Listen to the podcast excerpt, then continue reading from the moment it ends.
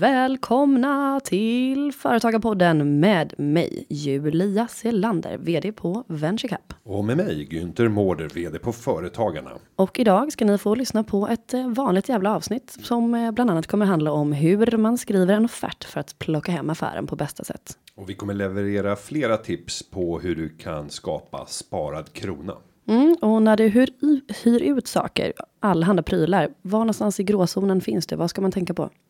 Och avslutningsvis så berättar vi hur du likviderar ett obrukat lagerbolag. Spänningen är olidlig. Vi hälsar dig hjärtligt välkomna till Företagarpodden. Företagarna. Ja, och det är ju mysigt här för att vi kör igång direkt med ditt favoritämne, Günther, tycker jag. Mm, hur kan man spara? Vi har fått en eh, briljant kommentar här på eh, Sparad krona från Alexander Pettersson i Stockholm. Och jag, jag läser upp direkt, för den här är riktad till dig främst. Mm. Han skriver så här. Även om det kanske inte är rätt forum längre så måste denna hashtag sparad krona nå Günther.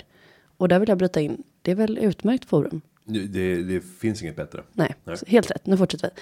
En fantastisk sparad krona är att se till att dina barns låda på förskolan är precis bredvid lådan för kvarglömda kläder. Min erfarenhet är att det är en låda som ständigt svämmar över. Det som svämmar över tenderar att just svämma över ner i ditt barns klädlåda. Och plötsligt har du kommit över strumpor, tröjor och byxor som ingen ändå tycks sakna. Plus att du är faktiskt helt oskyldig då det omsätts kläder i ditt barns låda hela tiden. Tack. Ja, nej, men det här är ju låter ju som ett, ett magiskt eh, tips. Men jag ska lägga till någonting i den här formuleringen som som han använder. Se till att Alltså att se till att barnet ska ha sin låda bredvid sakerna för upphittat. Jag har ju skolat in tre barn på tre olika förskolor. Eh, och det är inte så att vi har separerat alla för att vi tycker det är spännande att jämföra. Utan det handlar om att vi har eh, flyttat lite grann. Och sen så har vi bytt förskola för flera av dem samtidigt och så vidare. Men, och, och den färskaste erfarenheten är fyra veckor gammal. Så att det är färskt i minnet. Och då är det så här, man blir ju tilldelad en plats i de flesta fall. Jag har aldrig varit med om att man kunnat välja plats. Så därmed så skulle jag säga att utifrån de tre empiriska studier som jag har så faller det här. Men jag tycker det är, är lovvärt i vissa avseenden. Det är lite sorgligt. Eh, jag, jag, jag tänker bara, jag föreställer mig bara när barnet kommer till till förskolan och sen så är det ett barn som börjar gråta och peka på sin tröja. Min, min. Men det är då man kommer som förälder. Man bara, äh, Nej. du vet hur barn är. Nej, nej, den här. Nej, men då skulle jag vilja ge ett annat tips och det är ju vid de här tillfällena där man rensar ut. Och det är ju så här att ja, de här bortglömda eller kvarglömda sakerna både i idrottshallen och på förskolan i skolan så även på jobbet så rensar man ju ut saker som har kommit in upphittade saker. brukar oftast vara i samband med olika typer av eh, ledigheter. Alltså jul och sommar är väl klassiska utrensningsperioder. Ja, där har jag ett tips och det är att precis när den tidsfristen går ut för när sakerna ska slängas. Då måste man ju ändå kunna anse att nu har alla haft sin rättmätiga chans att kunna få sina saker tillbaka. Då tycker jag att det är fair att att gå och, och eh, lägga beslag, lägga vantarna på. Hur, eh, om man tänker så här, har vi något konkret tips på något som du har lagt vantarna på vid sådana utrensningar? Ja, ganska många saker. Nej, men under tiden på, på Handelshögskolan, där blev det kvar väldigt mycket eftersom kåren även rymde två stycken festlokaler. Så allt som hade blivit kvar efter fester fanns ju också inne i kårexpeditionen med med ja, allt vad det innebär. Och så en gång i halvåret så var det utrensning och där kunde jag ju gladeligen gå och botanisera så att när ni ser mig eh, medelst frack eh, på olika ty- typer av högtidssammankomster så ska ni veta att eh, de frackskorna de är upphittade.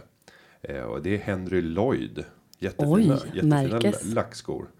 Eh, nej, men jag har hittat jättemycket fina saker. Jag tänkte säga um, allt jag har på mig nu. Nej, inte riktigt så. det märks också. Nej, Nej, nej, idag är jag fin. Jag har till och med so sommarkavaj. Jag gav eh, hösten ett rejält finger, eller dubbelfinger. Och tog på mig min sommarkavaj. Ja, Fast det var- öser ju ner idag. Ja. Ehm, Okej, men har du, för jag tänker att Ja, det här är också sånt- sånt som händer om man bor i, eh, man har gemensam tvättstuga. Att det ligger oftast en hög med olika grejer som folk har glömt och sådär. Vad tycker du där? Är det okej att ta det? Ja, det är väl okej, men det måste finnas en möjlighet för den rättmätiga ägaren att kunna få utvärdera om det här är mitt och om jag vill ha, ha det tillbaka. Om det har funnits en sån period att det har gått ut ett mejl, det har funnits utställt på ett bord i tvättstugan, det har gått två veckor, rimlig tid. Alltså om alla de kriterierna är uppfyllda, kan du sätta en check i boxen, men då är det okej. Mm, annars inte. Nej, och jag menar, vi tömmer ju även skafferiet här på jobbet på företagarna en gång i halvåret. Och där är det ju väldigt ofta så att när den tidsfristen går ut så är hälften av sakerna kvar. Och då plockar jag med mig allt som går. Så att, så att hemma i skafferiet så står det ju ofta namn. Och där står det dessutom namn på grejerna. Och du, du bara, älskling, nu har jag tagit med mig tre stycken. Jaha. Ja, nej så att eh, jag får be om ursäkt till eh, bland annat Mattias. Mattias försvann på föräldraledighet. Och så glömde han sin müsli. så att när vi äter frukost på morgonen så är det Mattias müsli som står där. Ja men då, Det känns kul när anställda kunnat bidra till att mina barn blir mätta. verkligen. Nu äter de i och för sig bara gröt, men, men jag kan äta müsli någon gång. Lite Ja, men jag känner igen det där med, ja, om jag ska ge sådana matlådor. Det har man inte köpt så många själv, om man säger så. Ja, men någon måste ju ha gjort det. Och man sitter och funderar på, vem är de? Men undrar om det är samma sak som med strumpor i torktumlaren. För de försvinner ju alltid. Ja, eller jag tänker ännu värre är ju så här pennor. Eh, Pennor, där är det per definition så att så här 95 till 97 procent av hela Sveriges befolkning är nettoförlorare av pennor. Medan 3 till 5 procent sitter och är extremt stora nettotagare av pennor. Hur många pennor behöver en normal person? Nej, men det handlar om reflexer. Om det alltid är så att när du har skrivit under ett avtal eller liksom signerat någonting så stoppar man ner den i bröstfickan. Om det händer och det händer två gånger om dagen, då är det så här, man märker inte ens. Utan det bara blir fler och fler pennor och sen så någon gång i veckan får man bara tömma och sen så har man något pennskrin hemma. Så att jag kan på ett år få en hel kasse med pennor. Men finns det inte sådana här mm, tokfransar som samlar på olika reklampennor? Typ Jo, jo, jo, absolut. Du borde ju komma i kontakt med, du kan ju sälja dem. Ja, det kan jag säkert göra. Jag har eh, säkerligen en mängd rariteter hemma från du vet företag som idag är upplösta eller fusionerade och man har i strålande skick endast använda en gång. Gud vad spännande. Om du som lyssnar känner att du blir taggad på det här så kontakta Günther och eh, lägger, penna. lägger ett bud på pennor. Det kan finnas dyrgripar där. Nej, sen så har jag med regelbunden basis och då pratar vi typ var tredje år gått till en arbetsgivare som för tillfället har utbetalat min lön och kommit in med typ två stora kassar med pennor och sagt att nu behöver vi inte köpa pennor. Varsågod, jag lägger ut det här i kontorsförrådet. Eh, och så får man gå och plocka. Och då blir man ju sett som en liten hjälte. Så är Ja. Det. Okej. Ja, jag tycker vi släpper det här. Men det finns ju mycket, mycket gråzon i den här, eh, i det här tipset från Alexander Pettersson. Det gör det absolut. Älskar det. Eh, och andra spartips. Ja. När, Nej, vi, men jag- när vi kommer igång. Ja, absolut. Nu, nu ska det sparas. Jag lägger ju mina slantar på roliga saker som alla vet. Och det kan jag göra för att jag sparar in på andra saker. Som till exempel. Nej men som till exempel att allting som jag gör hemma. Jag tänker att jag är väldigt händig. Att jag löser allting sådär. Och det gör jag också. Men det är inga, ja, det kanske inte är regelrätta lösningar. Så i helgen har jag eh, ja, gjort ganska mycket roliga saker. Men igår så la jag två timmar på att renovera badrummet lite käckt. Du la två timmar på att renovera badrummet. Alltså, Ja. En vanlig person har sagt så här. Om jag la två timmar på att göra en rejäl grovrengöring av badrummet. Nej. Jag Mm. Eh, gjorde en renovering på två timmar. Men det är också roligt att jag tycker att det är en renovering. Men jag bytte ut, eh, jag har ju stört mig ett år på att eh, det här munstycket droppar. Och så skulle jag vrida på det så insåg jag, herregud, jag har ett sånt som har med olika lägen. Det är fantastiskt. Men det har då droppat för att det, det är fel på slangen. Så då gick jag till eh, ett ställe och köpte en sån. Jag satte på den, på, ja, jag blev, det blev så bra. Och sen så insåg jag att, men herregud, anledningen till att det alltid svämmar över är för att jag har liksom ett golv som är väldigt så här Och det, verkar vara, plant. hå- det verkar vara hår i det här hålet där vattnet rinner ner. Sluta. Så jag lägg av nu. Jag är jag faktiskt väldigt renlig. Sluta. Men det var ju liksom, det är vatten överallt när jag duschar. Så det är alltid en pool där inne. Ehm, och jag rensar avloppet, jag lovar. Men det är liksom felkonstruerat golv. så jag kom på att jag måste ha en liten kant. Men istället för att liksom be någon göra det. Så gick jag till en eh, firma som heter One Y'all kanske? Eller tvärtom, jag vill inte göra reklam här så att om man byter på första bokstäverna så vet man vilket det är. Det var så jävlans dyrt där. Alltså det kostade 750 kronor för ett badrumsskynke. En sån där draperi. Det kan ju inte vara, det kan ju inte vara normalt. Nej, nej. Och jag menar, det här finns ju på. Du kan ju åka till Rusta eller Jula. Men åka till, jag gick till. Clas Ohlson och där, alltså nu är inte det någon sponsor på något sätt, men det får man gärna vara om man vill om man hör det här och jag jobbar på Clas Ohlson. Men herregud vilken prisskillnad. Jag känner mig som att jag gick omkring som en, jag kunde köpa vad jag ville. Men har du Clas köpt det? Har du Då köpt? köpte jag ett badrumsdraperi, jag köpte en sån stång, jag satte upp den, du, du hör ju att jag har renoverat här. har nu. renoverat. Ja. Sen så, nej, men det bästa är, då behövde jag också en liten kant där nere. Då köpte jag alltså en sån vanlig jävla list.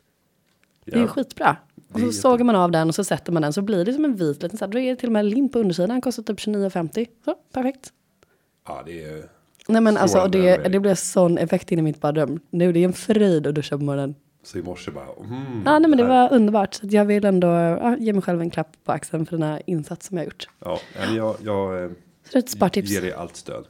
Tack. Snyggt renoverat. Tack. Vi går vidare till eh, en fråga. Det gör vi.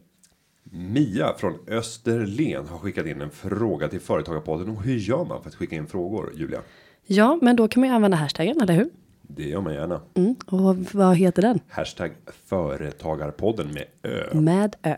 På Twitter eller Instagram. Och har man en längre fråga då kan man gå in på företagarpodden.se och använda formuläret. Ja, och där kan man vara lite längre. Men tipset är att alltid vara kortfattad. Precis som Mia nu har varit. Jag läser. Hej Företagarpodden. Hej hej. Jag har precis startat en byggfirma och undrar lite över det här med offer att offerera. Vad tycker ni ska finnas med i en offert? Finns det någon mall? Tack. Kort Tack. och koncist. Mycket bra. Exemplarisk fråga Mia. Ja men svar på första frågan. Ja det finns ju mallar för allt. Det finns oändligt med mallar. Ja. Men eh, man vill ju inte ha en mall. Man vill ju göra en unik offert. Ja, men jag tycker att mallar kan kännas som ett bra exempel för att inspireras för eh, vad tycker jag är det bästa? Att titta på flera olika mallar eller helst av allt så ska du titta på riktiga offerter. Och därför kan du ju faktiskt eh, fråga folk i din närhet. Vad är det de har fått offererat senaste åren? Be att de skickar över de offerterna. Har du själv blivit offererad någonting? Eh, titta på dem så att du kan ha liksom tio olika varianter och sen ställa dig själv frågan. Vilken är det jag tycker är bäst av de här? Varför tycker jag det? Vad är det som särskiljer de här från de andra? Men det är klart att det finns ett antal grundfakta som måste finnas med i en offert. Och vad skulle vi ge tips om då? Ja men jag tänker väl först och främst på priset kanske. Och vad det är för typ av, av tjänst. Alltså en specifikation av vad det är för någonting du, du ger offert kring och vad det kostar. Sen har du givetvis eh, vilka skattesatser som gäller och i, när man säljer så är det ju momsen. Eh, sen skiljer ju momsen bero- beroende på vad man säljer och det är väldigt ofta som kanske privatkunder tänker att eh, momsen alltid är inkluderad i priset. Och ska du göra affärer med en privatperson så måste du alltid ange priset inklusive moms. Det behöver du inte göra däremot om du gör affärer med någon som är ett företag, en, en juridisk person. Obs, obs, viktigt. Ja, och sen så tänker jag också mm, villkor här för ja, men exempelvis leverans. Eh, Betalning, hur ska den ske? Där är det oftast stora frågetecken. Om inget annat anges så kommer man ta för givet att det är 30 dagar. Eh, Men eh, om det är andra betalningsvillkor så bör det framgå. Och hur leveransen kommer att ske av den här tjänsten eller varan. Men där känns det väl ändå som att man har en ganska bra grund. Och sen kan man ju också, tänker jag, behöva skriva ut hur länge den här offerten är giltig. För att det är också så att man har en, en betänketid när man tar emot offerten, eller hur? Ja, det är för bådas skull. Eh, och det gäller ju att man till köparen, om man offererar någonting, ger tillräckligt mycket tid för att köparen ska kunna fatta ett, ett rimligt beslut. Så att man inte håller på och stressar igenom. Ibland kan det ju faktiskt vara så. Att man står och väger mellan två olika jobb. Och där man måste forcera fram. Och det finns ju ingen lag som säger att den måste vara giltig en viss tid. Men för förtroendets vinnande så tycker jag att det är bra att man ger rimlig betänketid för kunden.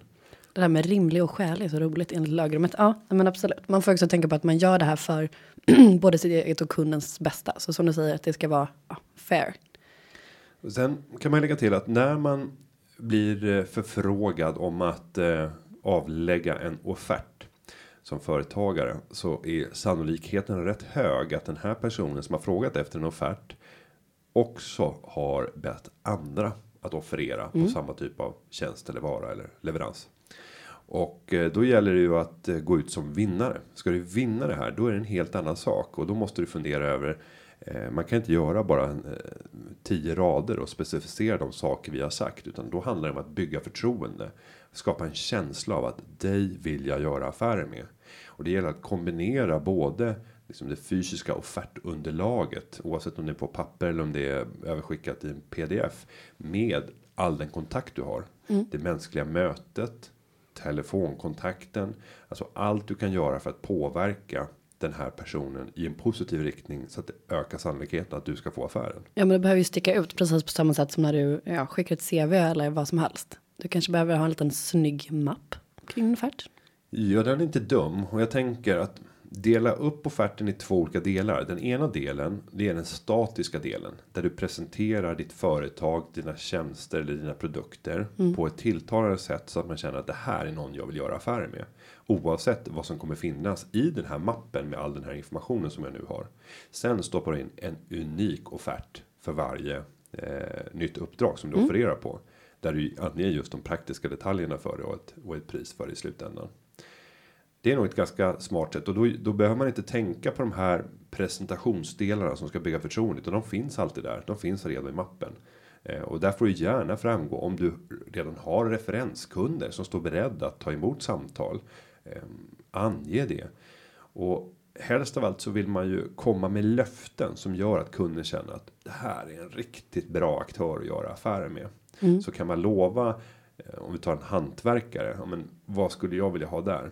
Jo, men någon som utför det inom utsatt tid eller till och med före utsatt tid. Det är helt orimligt. Det har ju liksom inte hänt. Eh, som dessutom gör det inom eh, fastlagd budget har heller inte funnits.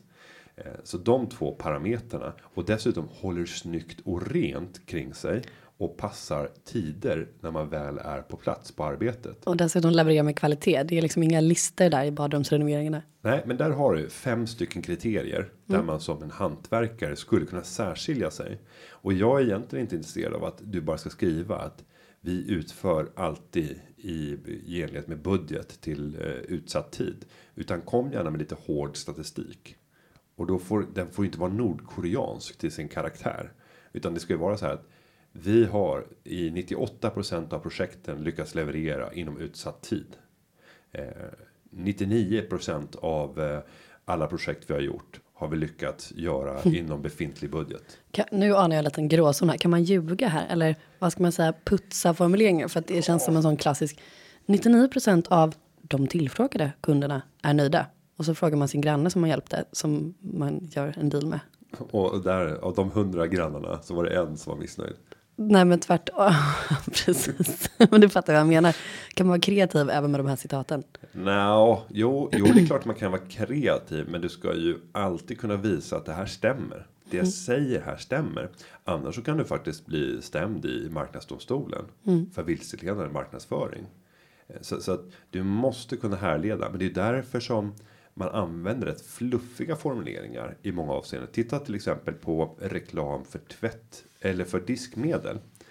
Eh, Då finns det i vissa reklamer så säger man tvättar dubbelt så eller har dubbelt så hög effekt som vanligt tvättmedel.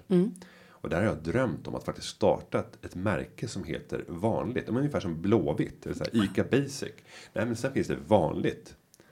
Vanlig tandkräm. Vanligt tvättmedel. Men vänta, det fisk. finns väl något sånt märke som heter inte vanligt? Eller helt normalt? Nej. Nej. jag har gått och funderat på det här i över tio Ja, års men va- tid. varför ska du göra det då? För att du ska, då ska du bräcka de här. Nej, men grunden är egentligen att den stora potentialen med ett sånt märke det är att kunna gå till marknadsdomstolen. Det är där du har den stora intjäningen. Att driva processer. Så att du har, det är egentligen bara ett, ett gäng duktiga jurister som sitter på firman och sen så slänger man ut några produkter i väldigt liten omfattning så att nästan ingen känner till att de förekommer. De finns i någon liten tobakshandel eh, där man har lyckats kränga in vanligt tvättmedel, vanligt diskmedel. Och om det visar sig då att nej, nu har Yes gått ut här och sagt att Yes är dubbelt så drygt som vanligt tvättmedel. Eller tvä- diskmedel. Nej, det stämmer inte. Alltså det här känns som att, ja en typisk Günther-fundering. Men I approve. Jag tycker att du borde lägga till också vanligt jävla. Vanlig jävla tandkräm. Vanlig jävla tanke. Vanlig jävla sylt. Vanlig jävla jordgubbssylt. Van, Älskling, vanlig, vad ska jag handla? Ja men köp vanlig jävla tandkräm bara. Vanlig jävla mjölk. Jättekul. Ja, nej, men, nej, det kanske är ungefär som att många har någon form av premium.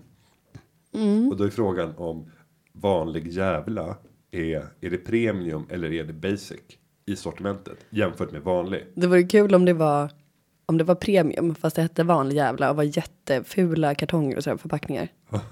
Alltså man liksom blir mindfuckad när man går och man bara vad är det här för någonting? Det är tvättmedel för 70 kronor. Det är jätte, ser jättemärkligt ut. Vanlig jävla peppar.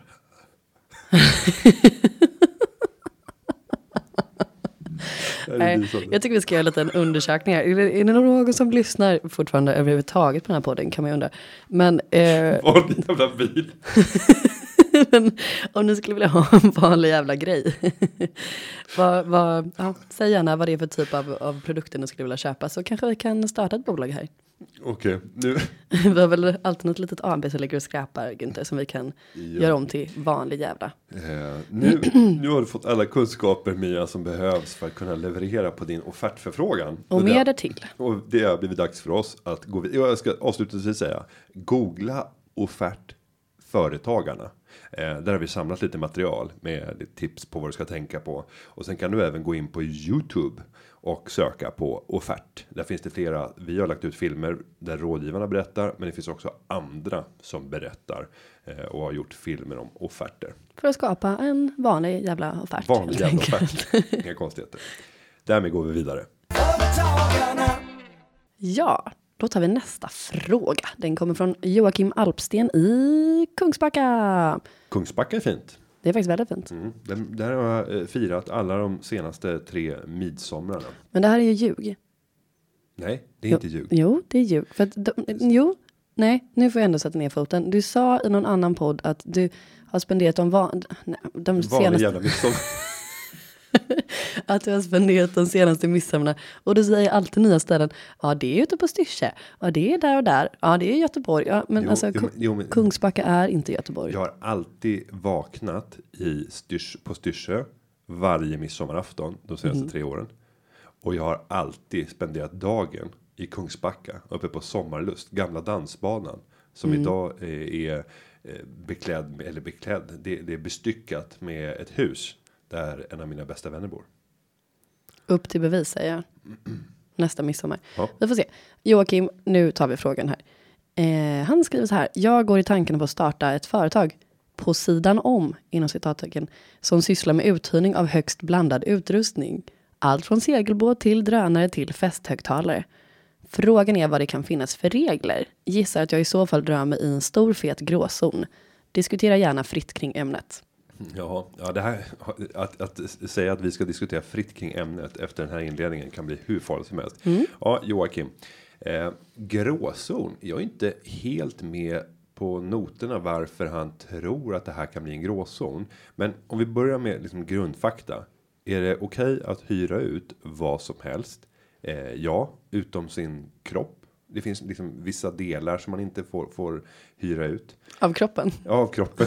ja, ja, men det, ja, men jag kom på mig själv. Det är klart du får hyra ut delar av din kropp. Alltså, Du det får man hyra ju- ut dina gör man händer om du är hantverkare. Ja, det är ju det man gör. Men, men vissa delar av kroppen. Eh, ja, du, du Kan du ge några exempel?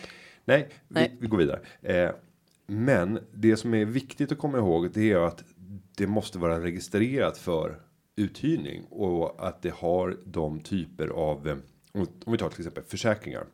Om du skulle ta din privata bil som och sen har du ett företag vid sidan om och sen hyr du ut din bil och så tar betalt i företaget. Det blir jättekonstigt. Så får du inte göra. För det är inte företaget som äger bilen. Och därmed så kan företaget inte fakturera för den delen. Och då kan det vara så här. Ja men om du istället äger bilen i företaget då? Ja, då får du absolut hyra ut. Men då måste du också ha en försäkring som svarar upp mot att den här ska användas för kommersiell verksamhet. Eh, och då kanske han tänker, och det är det här jag tänker kring gråzonen. Att om jag köper bilen eller segelbåten eller högtalarna till bolaget och sen hyr jag ut det. och sen kanske går väldigt dåligt i min verksamhet. Men man har tillgång till väldigt mycket materiella ting privat som man kan bruka. Det kanske till och med går så dåligt att man aldrig någonsin hyr ut någonting som man ska hyra ut. Så skulle det kunna vara, men men då är det viktigt att säga att det är olagligt att använda sakerna som är bolagets. I privat bruk. Ja, ja, ja. Om du gör det, då ska du förmånsbeskattas. Precis på motsvarande sätt som om du hade varit en av av hyrestagarna. Sen kommer ju Skatteverket säkert godta att du får hyra till rabatt, att du får en annan prislapp jämfört med vad vanliga kunder får. Men det måste ändå vara en rimlig ersättning som du erlägger till bolaget för att du faktiskt nyttjar de här sakerna. Jag tänker det måste finnas vissa typer av. Ja, vad skrev han här? Eh, diverse utrustning som lämpar sig bättre inom denna stora feta gråzon. Till exempel om jag har en bil så går det bara att läsa av. Det är svårt att förklara för Skatteverket varför man har kört 30 000 mil om man inte har hyrt ut den till en enda kund. Men en segelbåt kanske är mindre lätt att se hur mycket den används. Ja, det är svårare att kartlägga, så det är svårare att åka dit på det. Men, men det är ju alltjämt olagligt. Ja, men det är ju det som är en gråzon. De här högtalarna ser ut att vara väldigt spelade. Nej. Jag tittar på membranet här. Nej, men en, en högtalare ser ju inte så där överdrivet sliten ut. Även om du har haft den i tre år och den bara stått i en hylla.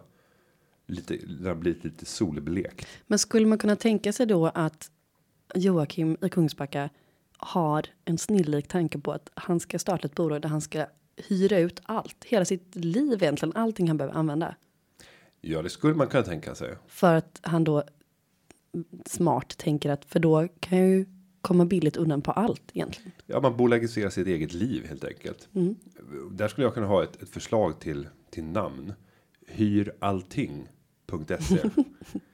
ja, men det skulle kunna vara rimligt. Ja. Och, och där bara lägger du upp alla prylar som man köper in. Eh, men man ska ju vara medveten om om vi pratar den här stora feta gråzonen som man själv nämner. Ja, det här är ju inte gråzon, inte alls. Eh, Det här är svart. Det här är svart zon. Alltså, det finns inget grått i det här utan det är ren, rent och skärt eh, djup, djupt svart. Det skulle väl vara då i sådana fall om man, om man använder den här utrustningen själv till ett rabatterat pris. Om man, som du sa tidigare. Ja, Ja. så kan det vara. Det skulle kunna vara grått. Sen kan man ju göra avancerade, nu- spårar jag verkligen nu, men göra avancerade kedjor där man har flera vänner som jobbar med andra saker som man kommer att behöva i livet.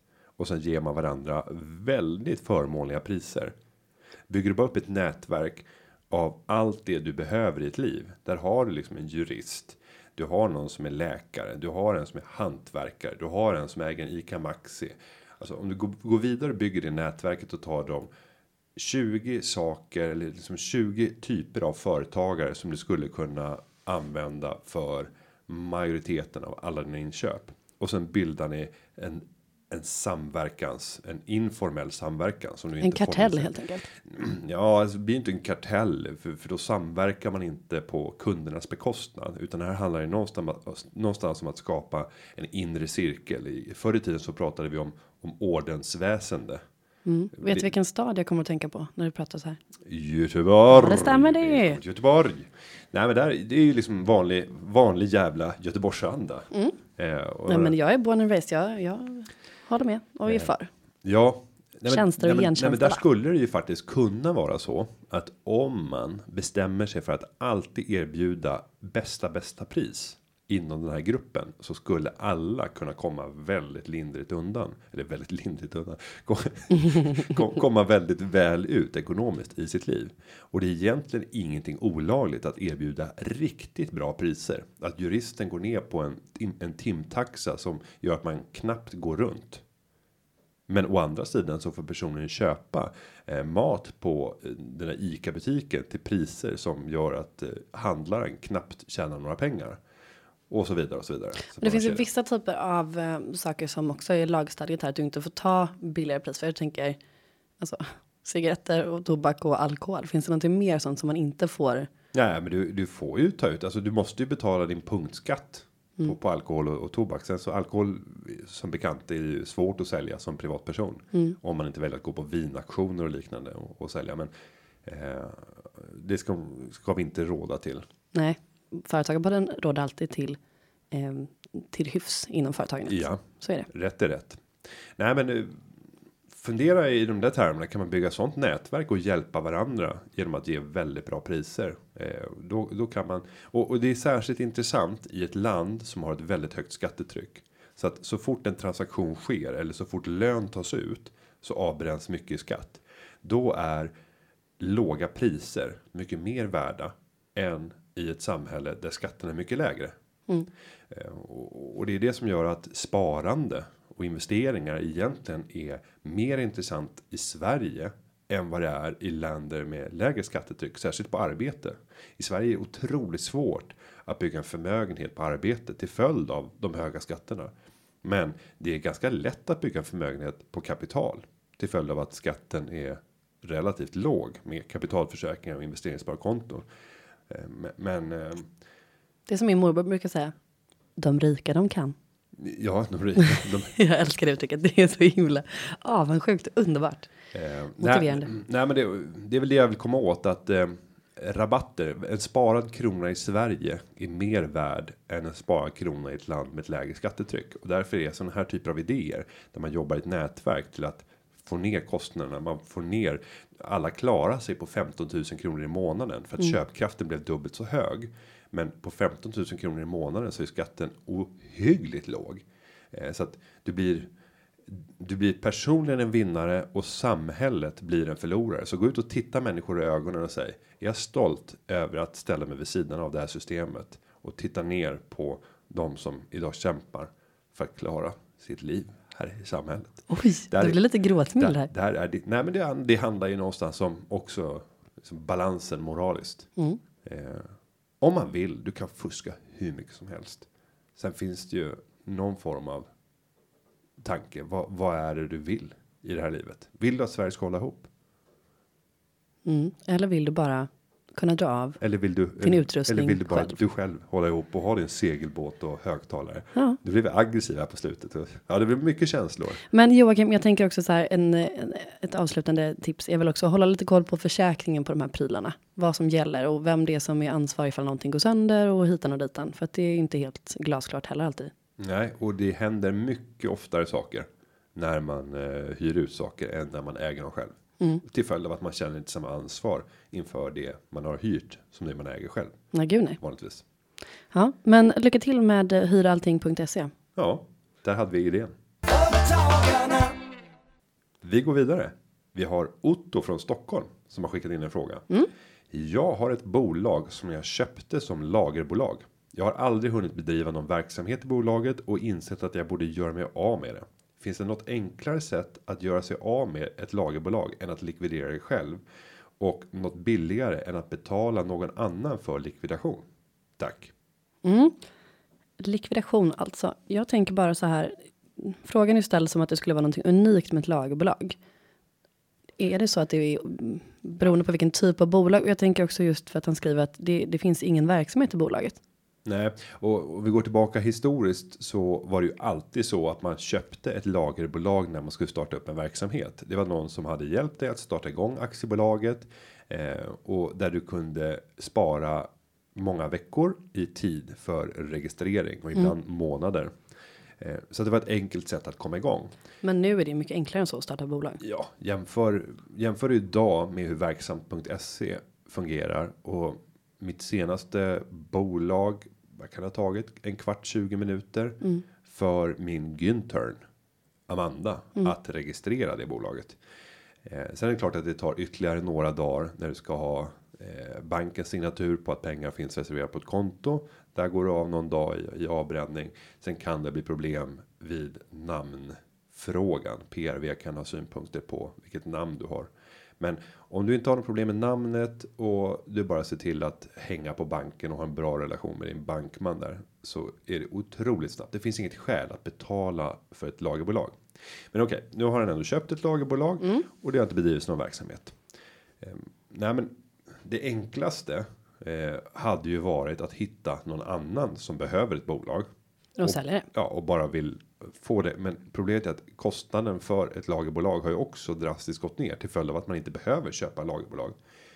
Eh, då finns det färdiga eh, det är för, företag som bara erbjuder tjänsten att köpa bolaget rakt av. Sen får du skriva på avtal som gör att du inte går utan förpliktelser Om det skulle visa sig att det faktiskt finns verksamhet bedriven i det här företaget och det finns massa arga kunder som vill ha ut garantier eller andra saker som gör att du hade massa åtaganden. Det är roligt att tänka på att det måste ha funnits många exempel på när det har blivit fel innan man har kommit på att hmm, vi borde ha ett avtal kring det här. Det verkar som är den Ja. värsta historien när man har köpt ett bolag och det verkligen fanns ett getingbo där under. Nej, det där är en ganska vanlig sak när man förvärvar ett bolag att man inte tar reda på vilka är bolagets förpliktelser. Och det där kan ju vara även oskrivna förpliktelser, alltså muntliga avtal som är överenskomna. Och som visar sig då att nej, det här hade jag känt till det här så hade jag aldrig förvärvat bolaget. Jag tittade bara på resultaträkningen och balansräkningen och såg på kundlistan att det såg väldigt attraktivt ut. Jag glömde att notera följande. Nej, så att antingen kräng bolaget till en sån firma som hjälper att lägga ner eller gör lite jobb själv. Sen får du en, en utsedd likvidator som kommer att hjälpa dig. Det kommer vara förenat med en, en kostnad, men det är inte jättemånga tusenlappar som behövs. Var inte jättemånga tusenlappar. Nej, men det är att att komma över 10 000 är ju eh, ovanligt, ytterst ovanligt ska jag säga och, och framförallt i sånt här bolag där det inte finns någon verksamhet. Om det inte finns en enda registrerad affärshändelse så blir det en struntsumma. Alltså det, är, det kan ju en likvidator omedelbart se och därmed så går det ohyggligt fort. Och skulle du ta hjälp av av en jurist i ett sånt här ärende. Jag menar, de kan lösa det på en timme. Är en medlem i eh, företagarna så kan han bara lyfta luren till rådgivningen så kan de komma med de enkla stegen. Det här ska du göra. Eh, och sen så kunna ringa upp och bara ställa frågan. Nu har jag gjort det här. Är det okej? Smart. Är jag lugn nu? Men sen tänker jag också, visst kan man lägga ner det på verksamt.se också? Man både startar och driver och registrerar där. Absolut. Det är att hantera bolaget samtliga ärenden. Det är där du byter om du har ändrat revisor eller ny styrelseledamot eller om du har en annan registrerad vd. All, all, all, all administration sköts ju via verksamt.se. Så att eh, nej Otto, du sen så kan du ju även låta bolaget gå ner i ett vilande tillstånd så att du slipper redovisa för det. Så ligger det bara latent och, och, och väntar på dig.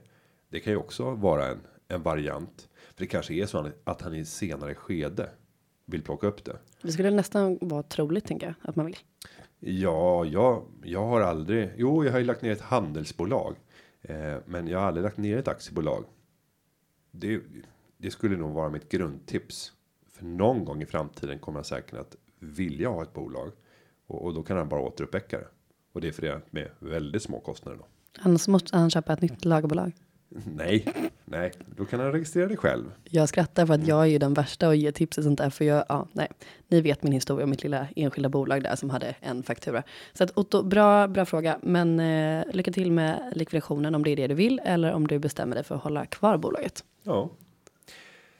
Då har det blivit dags att runda av och eh, Vad ska du göra i veckan för något sköj? Ja, men jag har några riktigt roliga saker. Eh, Den här podden släpps ju på onsdagen och eh, torsdagen den 7 september. Då ska jag presentera hur det går för Sveriges småföretag. Och du ska göra det för mig, för jag kommer vara där. Wow! Wow. Och eh, andra som kommer vara där är bland annat Mikael Damberg, vår näringsminister. Emil Källström som är näringspolitisk, eller förlåt, han är, jo han är näringspolitisk talesman, eller ekonomisk politisk talesman är han för Centerpartiet. Eh, och det kommer vara klockan 9 på morgonen på SUP 46. Där presenterar vi småföretagsbarometern. En årlig barometer som vi gjort sedan 80-talet. Där, där man kan se hur överhettat eller hur kyligt är klimatet för företagare just nu. Och jag kan väl redan nu ge en liten hint om att det går bra nu. Ooh. Fick du en Petter-referens också? Jajamensan. Bjuds det på någon snacks eller? Det kommer nog bjudas på någon macka och något ljummet kaffe. Mm. Det är nog inte alls omöjligt. Ett vanligt jävla kaffe helt Vanligt jävla kaffe. Sen kommer jag vara runt lite grann. Jag kommer att tala ute på Lidingö. Jag kommer tala på Sol i Solna. Eh, Men den här podden släpps så är det precis samma dag. Jag kommer att befinna mig i Köping. Ja, jag kommer resa runt en del den här veckan. Du då? Nej, men jag ska ju på, eh, på techbubblans hetaste event och det är ju Stockholm Techfest i Stockholm idag.